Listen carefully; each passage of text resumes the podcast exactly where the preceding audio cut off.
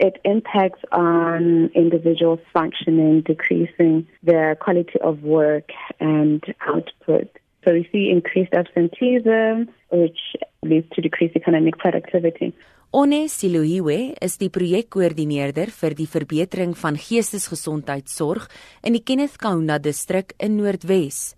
Sy is ook 'n kliniese sielkundige. Silohiwe sê met die toename in kroniese siektes soos hoë bloeddruk en HIV, tesame met geestesiektes, is daar al meer druk op die openbare gesondheidsorgstelsel. Dit plaas op sy beurt druk op die ekonomie. Patients with comorbid depression, for example, are two to three times less likely to be treatment adherent. And comorbid depression compromises the endocrine and immune system. The complications that come out of all of this means that healthcare is going to be so much more expensive.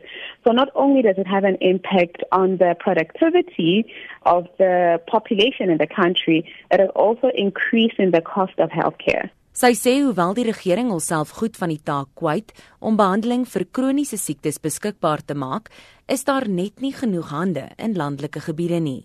The facilities are sometimes understaffed, leading to so much more pressure to dealing with uh, demands from the public. In die geval van die behandeling van geestesiektes, is daar bykomende uitdagings. The government is providing psychotropic drugs. The challenge comes in getting the drugs to the people.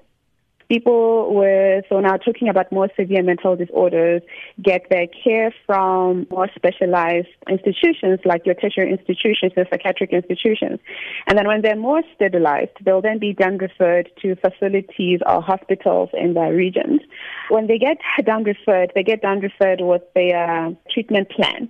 The district pharmacy, for example, needs to communicate with that with that facility to make sure that um, the patient can be followed up as they come for routine care with the appropriate um, medication. Um, what happens is that that communication some of the times doesn't um, take place, which actually leads to a lot of people uh, relapsing or the patients themselves don't trust the facilities um, based on past experience of medication not being available at the facility, not because the government didn't pay for it, but because there was no um, proper communication to make sure that patients get what they need. So that patients will tend not to trust the facility to provide that medication and then choose to go to an institution of higher care. And that um, results in people not being able to get access to their to their drugs a lot of the time.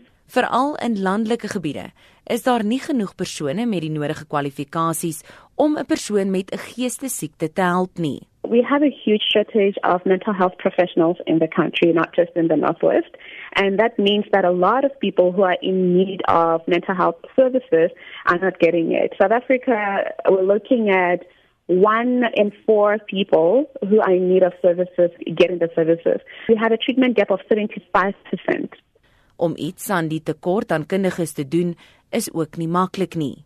Siloewe sê daar is beperkte plasings vir studente om hulself in die veld te bekwam. So let's take psychologists for example. It is difficult to dictate to the institutions to, you know, for them to take on a larger number of students looking at how students are trained. How it's organized, they can only take like so many pay, uh, students per year to make sure that they get trained uh, properly and so that they get their skills to do what they need to do. Daar is ook 'n behoefte dat gemeenskappe opgevoed moet word, asook die naasbestaandes van persone met geestesiektes. A lot of uh, mental health literacy is needed um, to combat stigma, for people to know what they're entitled to, for people to know what sort of help is available and how they can help their loved ones. Dit was Onesilohiwe, die projekkoördineerder vir die verbetering van geestesgesondheidsorg in die Kenneth Kaunda distrik in Noordwes. Sy is ook 'n kliniese sielkundige. Ek is Melissa Tuggie vir SAK nuus.